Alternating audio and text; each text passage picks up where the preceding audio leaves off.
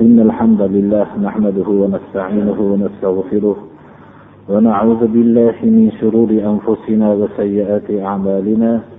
من يهده الله فلا مضل له ومن يضلل فلا هادي له. وأشهد أن لا إله إلا الله وحده لا شريك له. وأشهد أن محمدا عبده ورسوله. أما بعد السلام عليكم ورحمة الله وبركاته. Alloh subhanahu va taologa hamdlar bo'lsinki mana ayd ikkita aydni alloh subhanahu va taolo bugun bizga alloh nasib qilib turibdi. Bittasi bu ramazon aydi bo'lsa ikkinchisi juma aydi alloh subhanahu va taolo gunohlarimizga kafforat qilsin. Juma kunidagi qur'oni karimdan davom etayotgan darsimiz sura yusufdan davom etayotgandi sura yusuf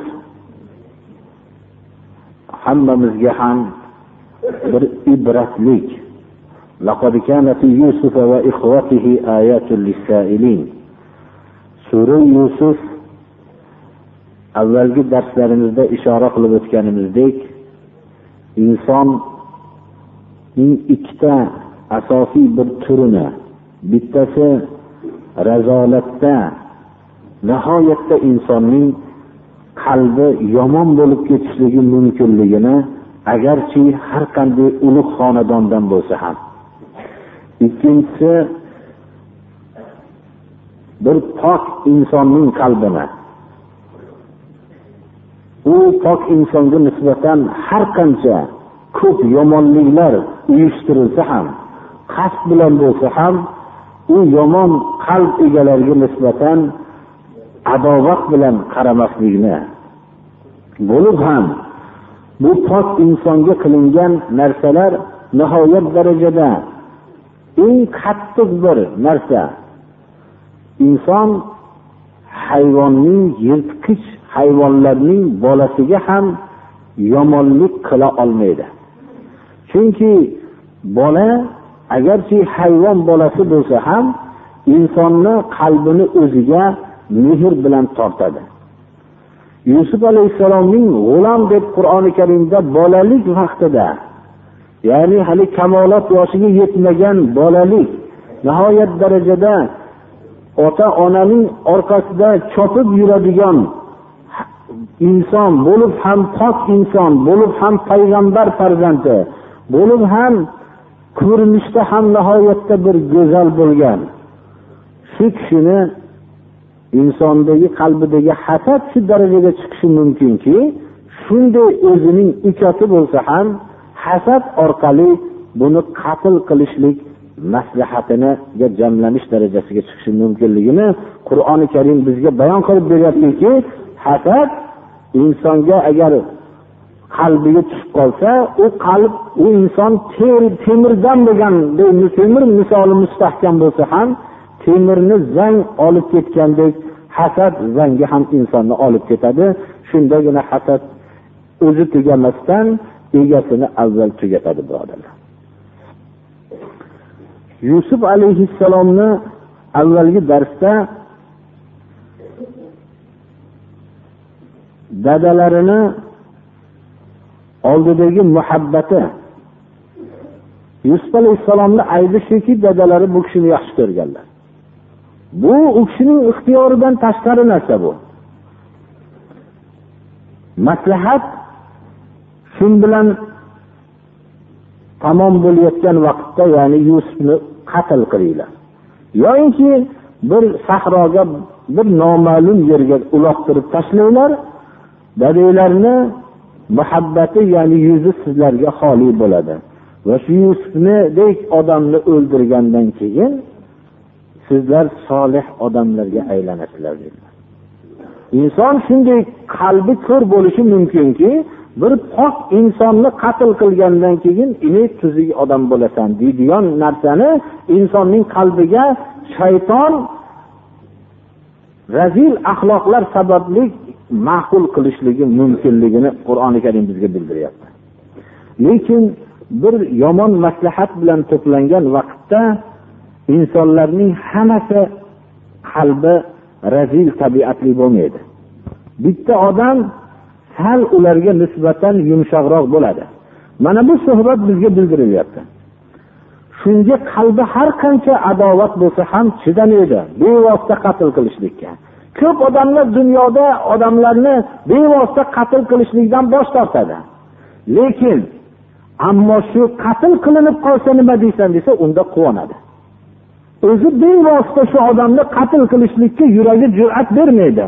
Ammo ertaman tursayu shu odam yo'q bo'lib qolsa nihoyatda unga quvonch oladi. O'zidagi qatl mas'uliyatining o'zida bo'lmasligini orzu qiladi. Va shu qatl mas'uliyati tepasiga yuklanib qolganligidan tortinadi. Aksar odamlar shunday bo'ladi. La taqtulu yusufa. Yusufni o'ldirmanglar.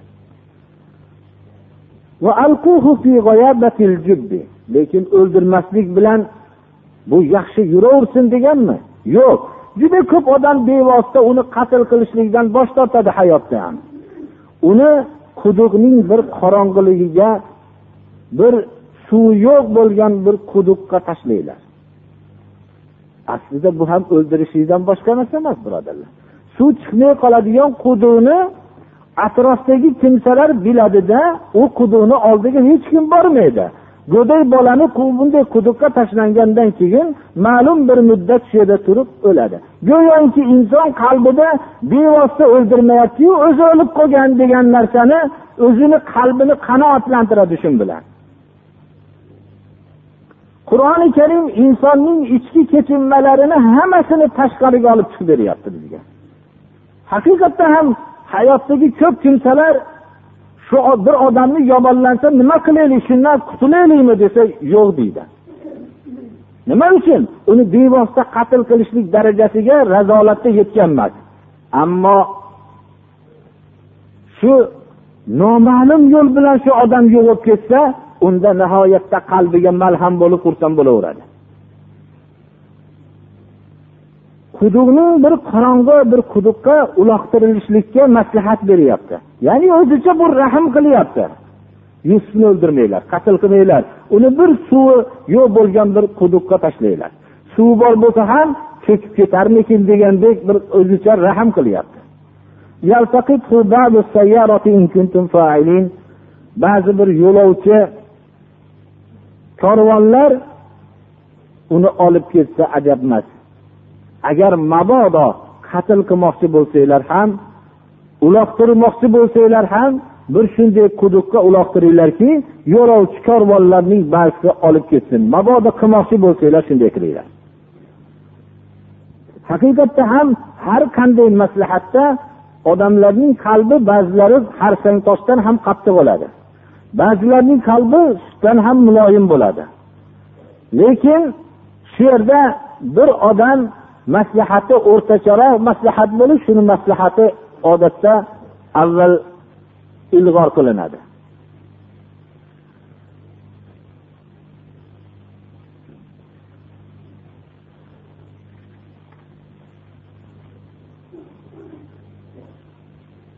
Yusuf alayhissalomni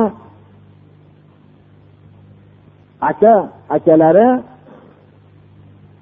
dadalaridan tadbir bilan ochiqroq qilib aytganimizda makr bilan olish yo'lini uchun dadalarning oldiga jamlanishdi. Bolalar yoshi ulg'ayib qolgan dadasini bir birini ko'zini qisishib bir narsani qilishmoqchi bo'lsa bir maslahatni bir tadbir bilan qilishadi.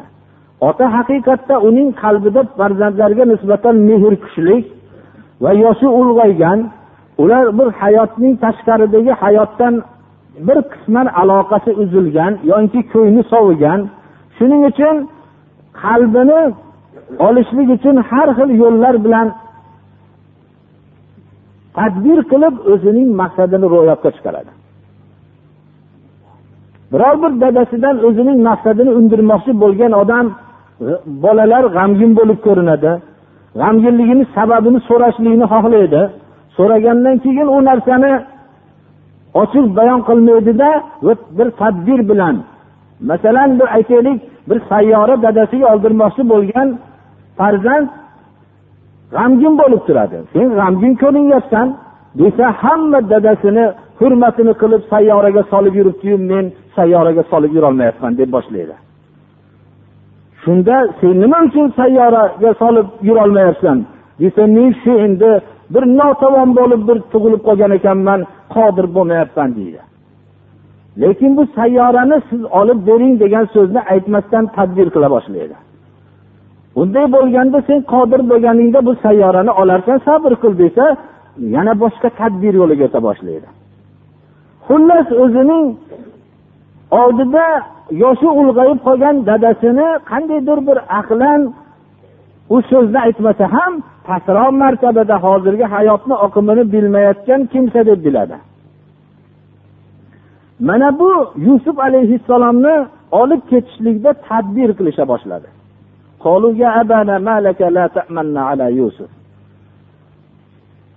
Bu oyat shunga dalolat qilyaptiki yusuf alayhissalomni dadalari yaqub alayhissalom akalariga bermasdilar.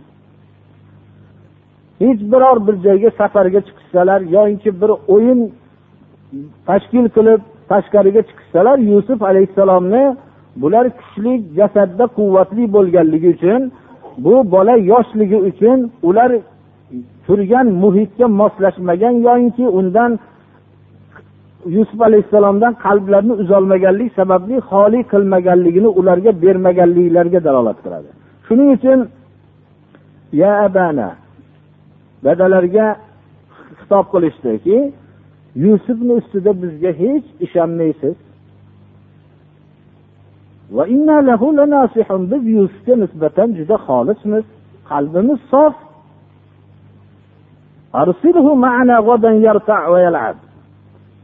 Biz bilan birga yusufni yuboring ertaga o'ynab bir kulib kelsin keng yaylovlarda o'ynab har xil o'yinlarni o'ynab kelsin. Insonni otaning qalbi bolani bermayotganda uni ham bir o'ynab kelishligini xohlaydi.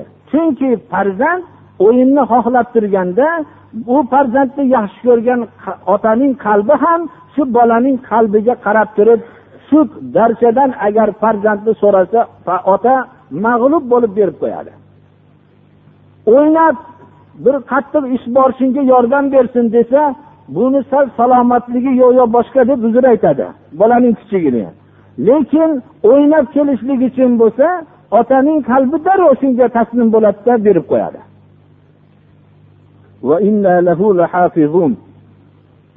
Biz himoya qilib juda ehtiyot qilamiz o'ynab kulayotgan vaqtida ham.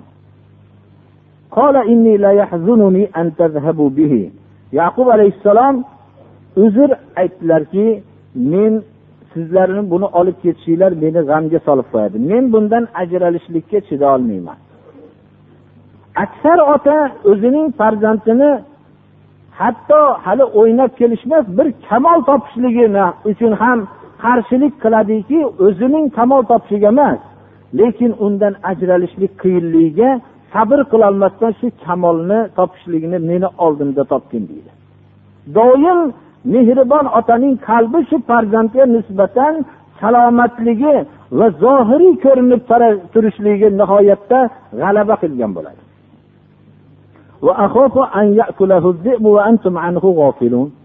Sizlar beparvo bo'lib o'yinga qiziqib ketgan vaqtinglarda bo'ri yeb ketib qolishligidan ham qo'rqaman dedilar.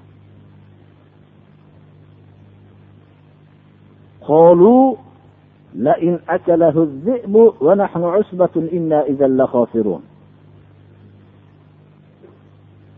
ular akalari aytishdilarki agar bo'ri yeb ketsa biz shunchalik kuchli jamoa bizga birga bo'lib turgan holatimizda bo'ri yeb ketadigan bo'lsa unda biz juda ziyonkor odam ekanmiz biz hech kim emas ekanmiz bo'lmasa bitta bo'ri shunchalik quvvatli yigitlar turganda bir bo'ri kelib ukamizni yeb ketaveradigan holatda bo'lsak biz hech kim emas ekanmiz bo'lmasam biz juda ziyonkor odam ekanmiz. Hayotda biror o'rnimiz yo'q ekan. Hayotda biror bir manfaat yetkazishlikka qodir bo'lmagan kishilar ekanmiz.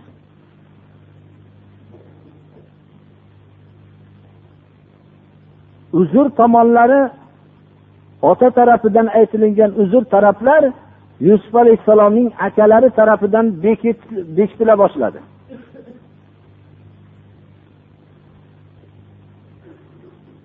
Qur'oni karim bizga yusuf alayhissalomni dadalari qanday topshirganligi bu haqda bizga bayon qilinmayaptida bularning yusuf alayhissalomni dadalaridan yusuf alayhissalomni olib olganliklarini bevosita bayon qilyapti.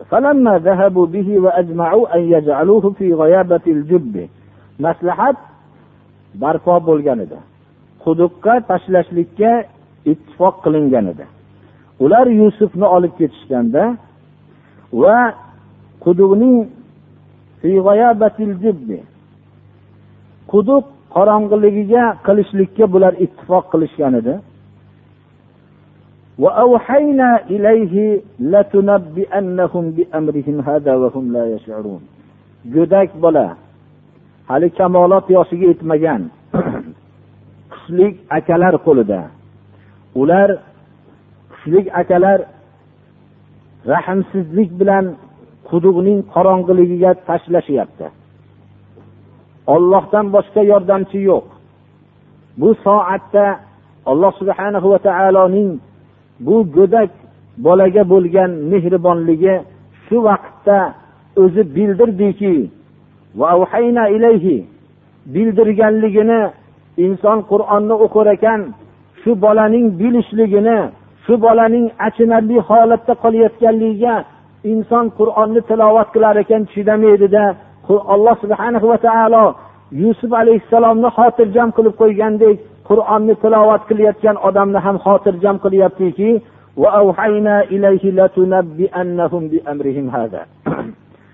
biz vahiy qildikki deydi yusuf alayhissalomga shu quduqqa tushayotgan vaqtlarida bularning bu qilgan ishlarini albatta o'zingiz aytib berasiz. Ammo aytib berayotgan vaqtingizda bular sizni yusuf ekanligingizni bilmagan holatlarda aytib berasiz. Olloh u kishini qalbiga xotirjamlikni berdi. Bu xotirjamlikka har qanday qalbi quvvatli bo'lgan odam muhtoj edi. Bo'lib ham go'daylik vaqtida inson juda muhtoj bo'ladi. Tanho quduqning qorong'iligida turgan go'dakka alloh subhana va taolo o'zining bildirib vahiysini qildiki albatta bularning bu qilmishlarini o'zlari sizni yusuf ekanligingizni bilmagan holatlarda xabardor qilasiz bularni. Qur'onni tilovat qilayotgan odam ham kelajakning xotirjamligi bilan o'zining tilovatida davom etadi.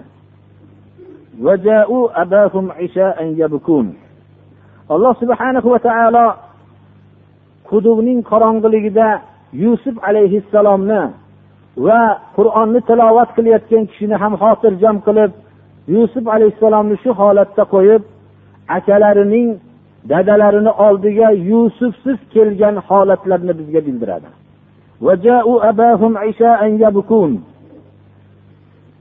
Bir qisman vaqtni o'tkazishdi. Haqiqatda bir makr qilgan odam bir narsani yo'qotgan odam kechroq uyga qaytib keladi. Nima uchun? Qorong'i bo'lguncha shu narsani istadim topolmadim deb avvaldan tushib bahonalarni hamma tadbirlarni avvaldan tushib keladi. Bo'lib ham g'amgin bo'lib keladi. Bir inson bir oddiy bir dadasi tayinlagan narsani yo'qotib kelgan bo'lsa nihoyatda bir g'amgin bo'lib keladida. Nima uchun g'amginsan desa nihoyatda men hatto yig'lab ham yuboradiki shu bir omonatni ehtiyot qilishlikka yaramadim men. Sizni avvalgi ehtiyot bo'l shuni qilmay qo'yaver degan so'zingizga kirmabman deb nihoyatda o'zini shu vaqtda dadasining haq ekanligini o'zining nodonligini ham isbotlashlikka rozi bo'ladi. Bir soat ilgari dadasini nodon deb o'zini aqlli deb turgan odam. Chunki aybdor odam o'zini nihoyatda nodon desangiz ham ho'p deb turadi. Aqlsizsan desa ham ho'p deb turadi. Sizni fikringizni qabul qilmagan ekanman deb hamma narsani qabul qilishlikka bo'ladi. Bo'lib ham bu yolg'on bo'lsa o'zi asli unda nihoyatda u kaltakka ham tayyor turaveradi. Kaltagi bilan balki kiradi dadasini oldiga mana bu kaltak bilan men urilishlikka loyiq insonman deb dadalarining oldiga kech vaqtida yig'lagan holatda kirishdi. Aytishdiki dadalariga xitob qilishib biz chopishib musobaqa o'ynashib ketaveribmiz. Yusufni o'zimizning matolarimiz oldiga qo'yibmizda kesak bo'ri yeb ketibdi deyishdi. Bu narsani dadalarining o'zlari ogohlantirgan narsa edi bo'ri yeb ketishligidan qo'rqaman deb. Lekin inson ba'zi vaqtda shoshib qoladi. Yolg'on o'ylab topishlikka shoshib kulgili bir holatda bo'lib qolayotganligini ham bilmaydi. Bo'ri yeb ketgan holat o'ziga xos bir sharoitni tashkil qiladi. Bir odamni bo'ri yeb ketishlik uchun ular bir bo'ri bor joyga borishligi kerak bo'ladi. Undan tashqari bo'rining yeb ketishligi u yeb ketganligini bir odam ko'rishlikka muhtoj bo'ladi. U bo'ri yeb ketganda u yerda bir alomatlar qoladi. Mana bu narsa ularning bu sharmandalik bahonasini aytayotganlik sabab bayon qilayotganliklarini shoshilganliklaridan o'zlari ham sezmay qolishdi. Matoyimizni oldiga qo'yib ketsak bo'ri yeb ketdi deyishdi. Siz baribir bu so'zimizga ishonmaysiz. Siz doim bizni so'zimizga qarshi turasiz. Agarchi biz to'g'ri gapirsak ham deyishdi. Yo olloh inson mutlaqo birorta bir rost gapirmasdan turib biz doim rost gapiramiz siz shunga ishonmaysiz deyishligi mumkin insonni mana ba'zi odamlar hech qachon rost topil o'zi yolg'on topilmaganda rost gapiradi. Yolg'onni hamma istab ko'radi birorta yolg'on yer yuzida qolmagandan keyin rost gapirishlikka majbur bo'ladi. Shunaqa bo'lsa ham u odam umrimda yolg'on gapirmaganman deb davo qilaveradi. Ishonmasliklari muqarrar. Inson birovni aybdorlik qilmoqchi bo'lsa o'zining aybini bekitib avval uni doim bu kishi ishonmaydi meni gapimga deb ikkita odamni guvoh ham qilib oladi. Mana hozir ko'rasiz men borib gapiraman bu odam meni gapimga ishonmaydi deydi. U albatta u yolg'on bo'lgandan keyin ishonmaydi. Ana shu aytadida yolg'onni aytgandan keyin mana ko'rding mana senga aytganman bu odam mutlaqo meni gapimga ishonmaydigan odam deb shu gap rost ekanmi deb qo'yadi yana. Mana bu so'z xuddi shunday bo'ldi. Bizga mutlaqo siz ishonmaysiz agarki bir rost gapirsak ham deyishdi.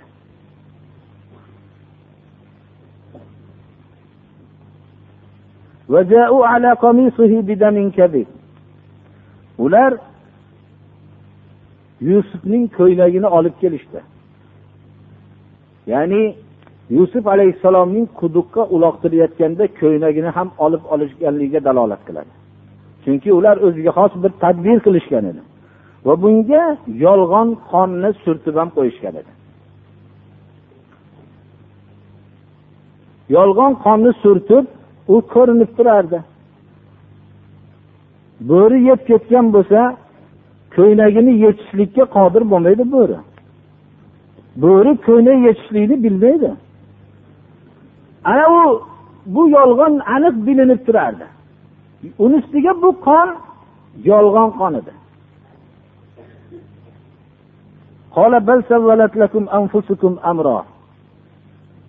Yaqub alayhissalom aytdilarki sizlarga qalbiylar nafsiylar bir narsani chiroyli qilib ko'rsatibdi.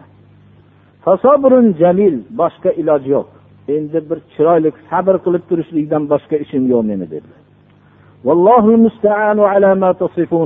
bu sizlar to'qib aytayotgan narsalarni ustida yordam so'raladigan zot alloh subhanahu va taoloning o'zidir dedi.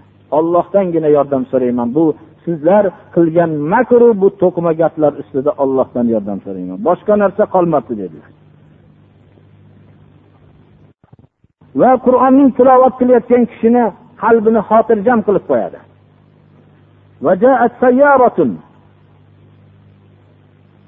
Ko'p sayr qilib yurgan odamlar. Sayyaratun. Ya'ni ko'p hayotida sayyohlik qilib yurgan jamoa shu quduqni oldiga keldi.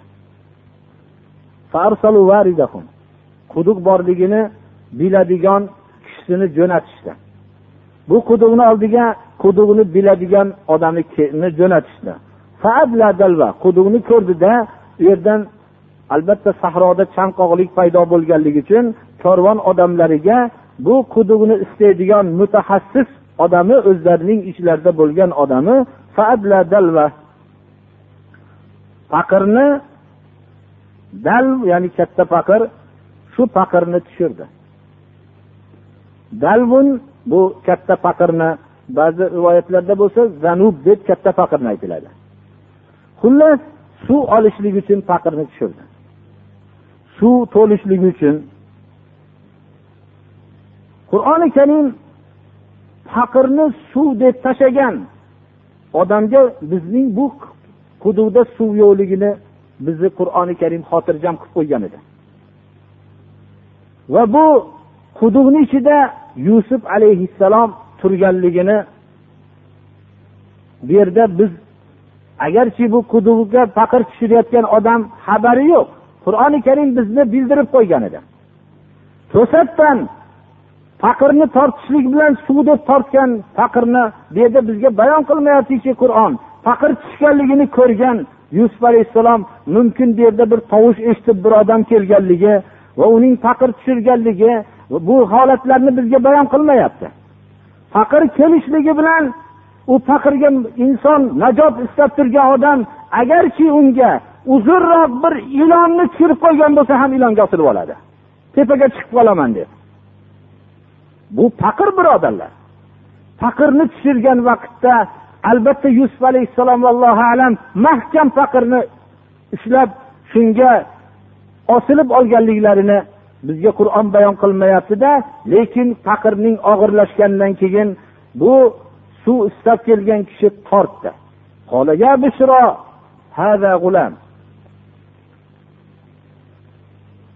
To'satdan qichqirib yubordi xursandchilikka. Suvmas bolayu bu dedi. Haqiqatda ham bir odam sahro xonadon yo'q. Bo'lib ham u vaqtning jamoatchilikda insonlar bozorda sotilib tursa bo'lib ham bu g'ulom bo'lsa juda ham bir g'ulom bo'lib ham go'zal g'ulom bo'lsa o'zining siymosidan bir ulug'lik belgilari ko'rinib tursa bozorda nihoyatda foyda qilishligini o'ylab quvonib ketgan. Inson shunday bir odam bir narsaga quvonishligi bir turda bo'lsa ikkinchisi boshqa turda quvonadi. Bir odam kasb qilib mol topsa farzandimni o'qitaman yoinki shu narsadan bir o'zimga va o'zimning oila a'zolarimga kambag'allarni haqqini o'tayman deb quvonsa bir odam bu molni topdim endi bir dorvozlar o'ynatadigan ayiq o'ynatadigan bir katta to'y qilib mast qiluvchi ichimliklar bilan hammani serob qilaman deb quvonadi. Insonning qalbi shunday bo'lishi mumkin. Bir odam hayoti bo'yicha bir farzand ko'rsam deb orzu qilib o'tsa bir odam shuni islom yo'lida tarbiya qilaman desa bir odam bir farzand ko'rsam uni shunday kuchli bir qimorvoz qilib tarbiya qilardim deydi. Xullas insonning bir narsaga quvonishligi turli bo'ladi. Mana bu joyda quduqdan chiqqan bolaning suvni o'rniga quduq bola chiqib qolganligi buni bir bozorda sotib mazza qilib daromad qilamiz deyish maqsadida quvondi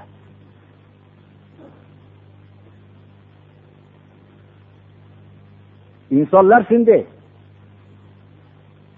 insonlar bir turda bir kishi vafot qilsa g'amgin bo'lsa vafot qilgan odamdan daromad topadigan odam nihoyat darajada bundan quvonadi.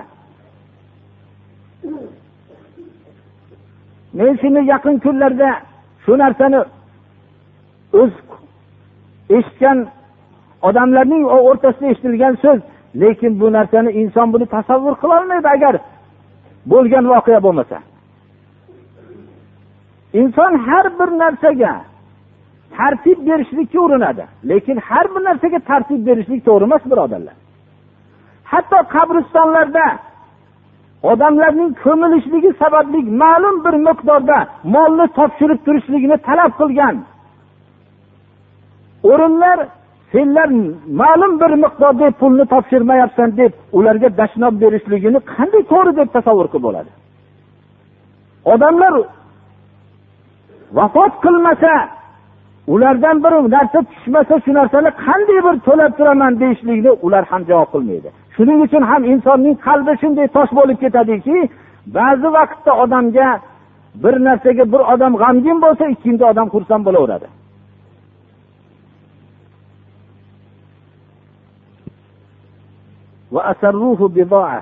Chunki u yerda xonadon yo'q edi. Kim bu bolani topib oldi buni isboti yo'q edi. Shuning uchun o'zlariga bidoa sirriy mato qilib bekitib qo'yishdi. O'lja uchradi deyishdi. Buni qul qilib sotishlikka qaror qilishdi. Lekin bu bolaning qulmas ekanligi ma'lum edi. Qulmas ekanligini bilishgandan keyin buni bekitib qo'yishdiki qulmasligi ma'lum bo'lib qolmasin deb bozorda buni aniq qul deb otin deyishdi.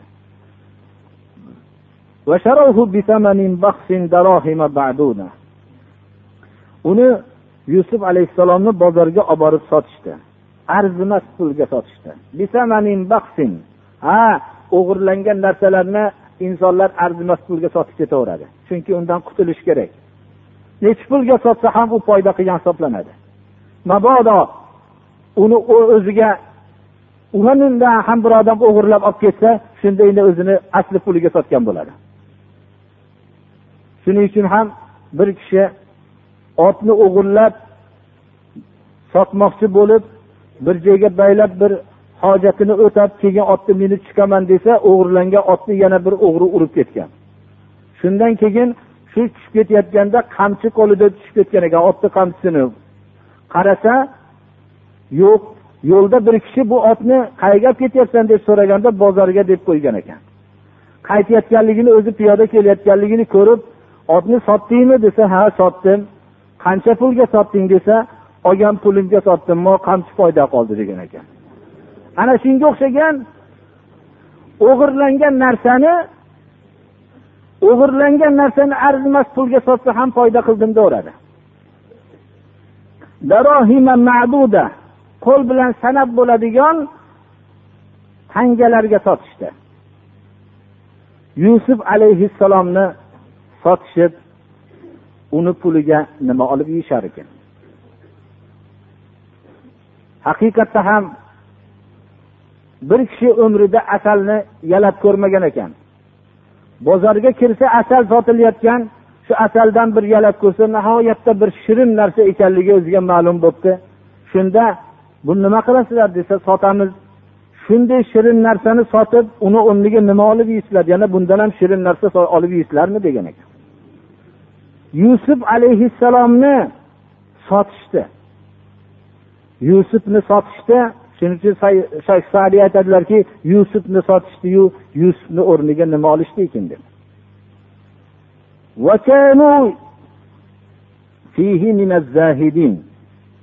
Ular bundan qutulishlikni xohlovchi kishilar edi. Tezda bu sir bilinmasdan bu narsani tezda qutulishlik muhimroq narsa edi bu.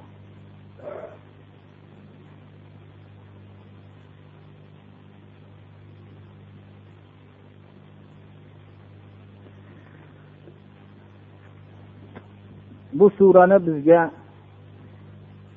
bir ajib bir ko'rinishlar bilan har bir narsani o'zi hayotdagi mujassamlangan shakli borligiga ishoralar qilib bizga alloh subhana va taolo bu surani nozil qildi.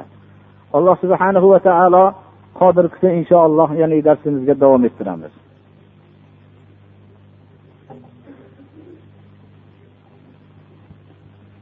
Tahajjud namozida qiyomil laylda ishtirok etganga o'xshaydi ruku sujudlarda o'zbekcha ham duo qilsa bo'laveradimi debdilar. Duolar arabcha bo'lganligi ma'quldir. Chunki ma'sur duolar rasululloh sollallohu alayhi vasallamdan shunday rivoyat qilingan.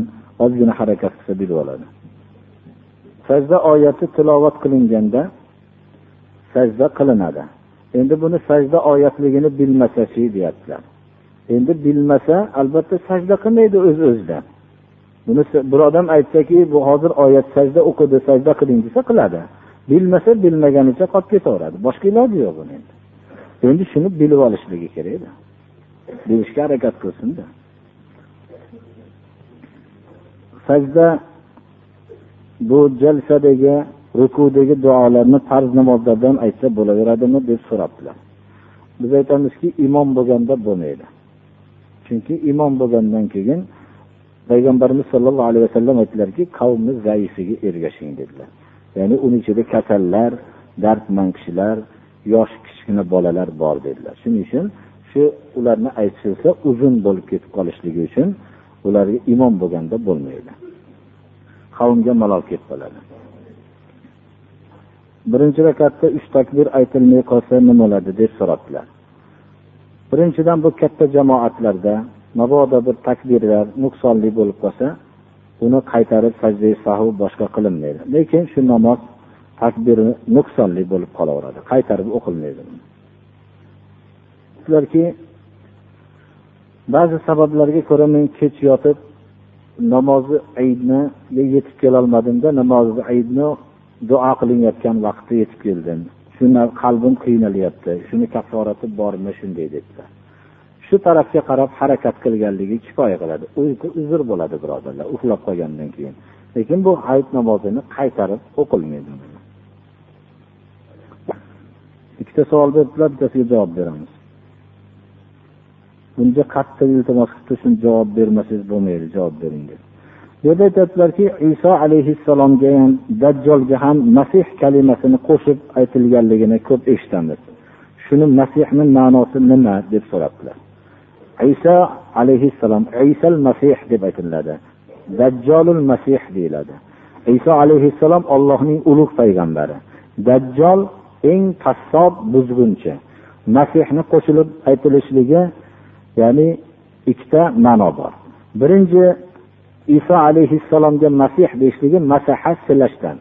Iso alayhissalomga alloh subhanahu va taolo mo'jiza berdiki tug'ma ko'zi amo bo'lgan kishilarni qo'llari bilan silab qo'ysalar shu vaqtda ko'zlari ochilib ketaveradi badallariga oq tushganlarni shunday silab qo'ysalar badallari tuzalib qolaveradi ya'ni iso masih iso alayhissalomniki silovchi dardlarga ollohni izni bilan shifo beruvchi deganlar. Tushunarlimi masihni? Masih ikkinchi masih bo'lsa bu avvalgi masih ismi poil ma'nosida silovchi.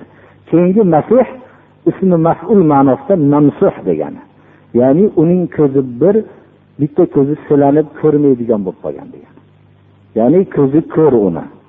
Dajjolning bir ko'zi ko'r. Tushunarlimi? Uning masih degani bitta ko'zini o'rni tekis degani. Mamsuh uni ko'zi yo'q qilib silliq qilib qo'yilgan uni degani. Shuning uchun ba'zi shoirlar bundan sen nomingni bir katta kishilar bilan bir xil nom bo'lganing bilan faxrlanma. Bir masih isoyu bir masih dajjol deb qo'yilgan. Buni birodarlar bu ramazondagina jamoat bilan o'qishlik mashru bo'lgan. Boshqa vaqtda mashru emas bu birodarlarimiz dadamiz islomga sustroq va jamoatlarda dadamizni yoshidagi kishilarni ko'rib qalbimiz qiynaladi biz dadamiz ham shularni safida yursa deb ba'zilar farzandlarimizni ilm alloh subhanahu va taolo bersin deb duo qiling debdilar alloh subhanahu va taolo bemorlarga shifo bersin. Alloh subhanahu va taolo gunohlarimizni mag'firat qilsin ibodatlarimizni alloh qabul qilsin. Alloh subhanahu va taolo yanagi shu vaqtlarga islomga quvvat bergan holatda shu kunlarni ko'rishlikni alloh taolo nasib qilsin. Alloh subhanahu va taolo shu xalqlarni hidoyat yo'liga yurgizib qo'ysin. Alloh subhanahu va taolo islom haqiqatlarini bildirsin. Islomga qo'lidan kelgancha yordam berayotganlarga alloh subhanahu va taolo yordam bersin. Bemorlarga alloh taolo shifo bersin. Bu siroz akamiz mana bilmas ekanmiz notob ekanlar alloh subhanahu va taolo bu kishiga shifo bersin. jamoatimizdagi kishilardan وصلى الله تعالى على خير خلقه محمد وآله وأصحابه أجمعين وارحمنا واحشرنا معهم برحمتك يا أرحم الراحمين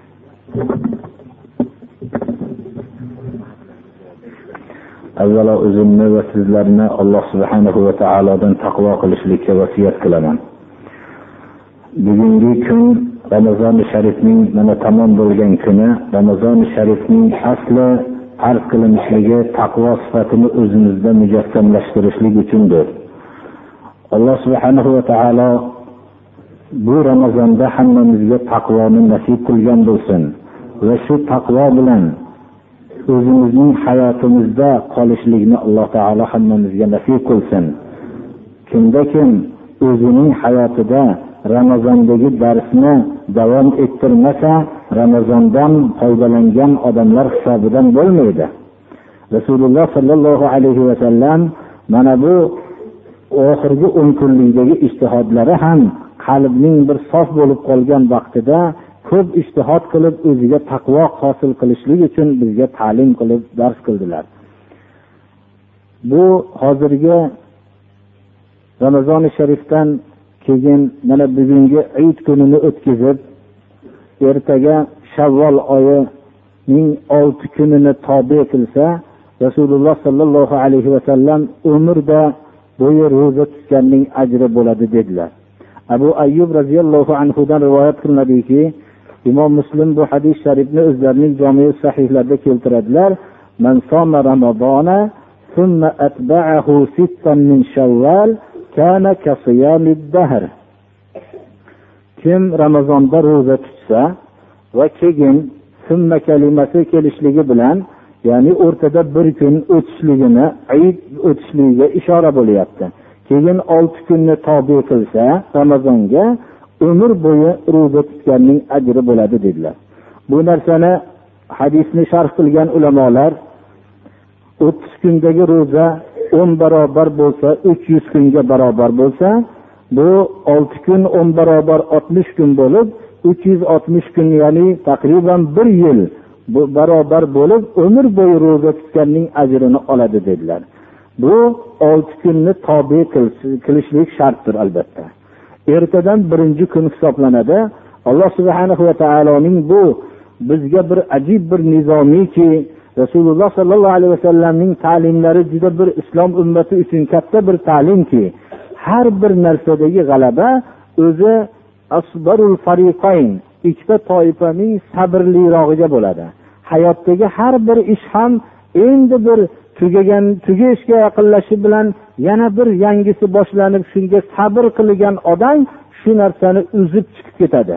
Mana bu shavvolning olti kunini biz ro'za tutishligimiz bir tarafdan o'zimizning ramazoni sharifda nihoyatda chiniqqanligimizga dalolat qilsa ikkinchi tarafdan shayton ko'p gunohlarning kechirilishligini ramazonda bunga nihoyat darajada g'amgin bo'lib turganda ramazondan u qutulganligiga shayton xursand bo'lgandan keyin endi bu ro'zani to'xtatdi desa yana ramazoni sharifda ro'za undan keyin olti kun tutishlik paydarpay shaytonning ham burnini yerga ishqashlik bo'ladi birodarlar.